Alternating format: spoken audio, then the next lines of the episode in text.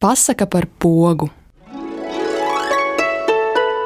Poga bija pavisam vēl jauniņa un sēdēja ar Matsprādzīti kafejnīcā. Matsprādzīte bija vecāka un dzīvē daudz ko jau redzējusi. Arī vilšanos.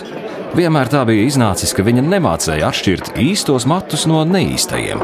Matsprādzīte teica pogai. Tev tagad galvenais jāsargājas, lai nepiešuj.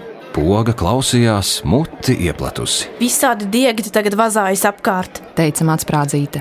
Skaties, ka tevi nepiešuj. un nobaidīja pogu. Poga sāka vairīties, kur kaut kas līdzīgs adatai gāja ar līkumu apkārt. Īlēns tikai noprasa. Kā tev iet, poga? Un poga no bailēm ielec ķīselī. No dakšiņas pogai bija trīsreiz lielāks bailes, bet ezi ieraudzījusi, poga sasala stīva. Tikai cimds to izglāba, iebāza sev īkšķī un atsildīja. Spicais pipars pogai likās aizdomīgs, un, kad viņa tam gāja garām, viņa, lai iztaptu, šķaudīja. Pipars smējās un poga nodarbinājās, laimīgi, ka garām nepiešūta. Nes kāpēc viņai likās, ka tieši pieši ir tie, kas piešuj, un viņa negāja tur, kur ar zirgiem jāj, un negāja tur, kur gaļa kaujas, un negāja pavasarī pļavā, kur puķes zied. Ej, nu zini, un ja no aiz puranēm ir gaļpieši, un ja nu izlec un piešuj, kaut kur augstā graumalā, un poga nodarbinājās. Arī būrtnīcās bija tādas aizdomīgas līnijas, kā gari diegi, un uz geogrāfijas kartēm sazīmēti visādi līčloču diegi, un poga nolēma, ka skolā neies, un tā palika ar katru dienu, jo muļķāka. Vienreiz poga bija nokavējusies un paskrēja līdz tramvajam. Kāds iesaucās, un pogai visas četras acis ieplatās Kur? un ieraudzīja aiz sevis ielas galā, kā adatu gaisā televīzijas torni, un sāka skriet no visa spēka. Bet cik paskatās atpakaļ, tik redz tornis aiz muguras, un visi kliedz.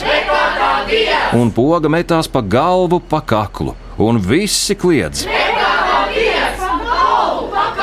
Un nezinu, kā tas būtu beidzies, ja poga neieķeptu asfaltā. Asfalts pogu nomierināja, ka televīzijas tornis pašlaik esot remontā un nemaz nevarot nekur paskriet.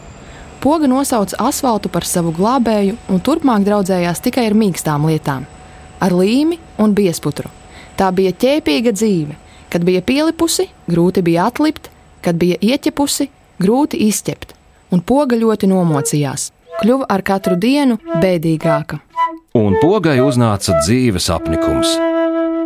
Kādu dienu pie gāzētā ūdens automāta pogu ieraudzīja rāvējslēdzējs. Ei, tu, ripiņa! Viņš teica, Ieliec automātā, man gribas dzert Kāda es esmu ripiņa? pogai sanāca dusmas. Es esmu poga. Viņa teica, par pogu, tu nedari. teica rāvējslēdzējs. Tev nav neviena caurumiņa. Poga paskatījās spogulī, jā, gan. Pretī viņai raudzījās apķepusi ripiņa, bez kāda raksta, bez kādas krāsas, bez neviena caurumiņa.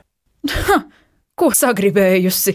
Poga gan tu neesi. Smējās rāvējslēdzējs bleķa zobus spīdinādams, Varbūt tu esi gradzens, varbūt ola, un rāvējslēdzējs nelikās mierā. varbūt tu esi lidmašīna, kas pārvadā pasažierus. Nē, Jau bailīgāk teica poga. es esmu poga. Varbūt tu esi krūze, ko? Un dod pienu? Ej, derēt! Sāka kliegt rāvējslēdzējs, Kur? prasīja poga. Bet rāvējslēdzējs tikai kliedza, Derēt, derēt, derēt! un jau bija saradies tāds pulciņš ļaužu apkārt, un pogai kļuva pavisam nērti. Nes kur uzrādījās adata un aizrāva pogu no pūļa. Nāc šurp! Ko tu ļauj sevi apsmiet? Poga bija tā apjukusi, ka viņai bija vienalga, kas notiek. Adata aizveda pogu pie diega. Kur tad tu tik ilgi biji pazudusi? draudzīgi prasīja Dieks. Kur tad tu derēji? Kā derēja? Nesaprata poga. Nu, varbūt piederēji. Poga sāka domāt, No vienas puses, teica Dieks, tu biji brīva, un izslaucīja pogai vienu acīti, bet no otras puses, tu nekur nederēji. un iztīrīja pogai otru actiņu. No vienas puses, visi jau grib būt brīvi un svabadi, Teica Dieks, un atbrīvoja pogai trešo aci. bet no otras puses, nekādi laimīgie viņi nav, jo nekur un nevienam nepiedara. Un Dieks izbrīvēja pogai ceturto caurumiņu.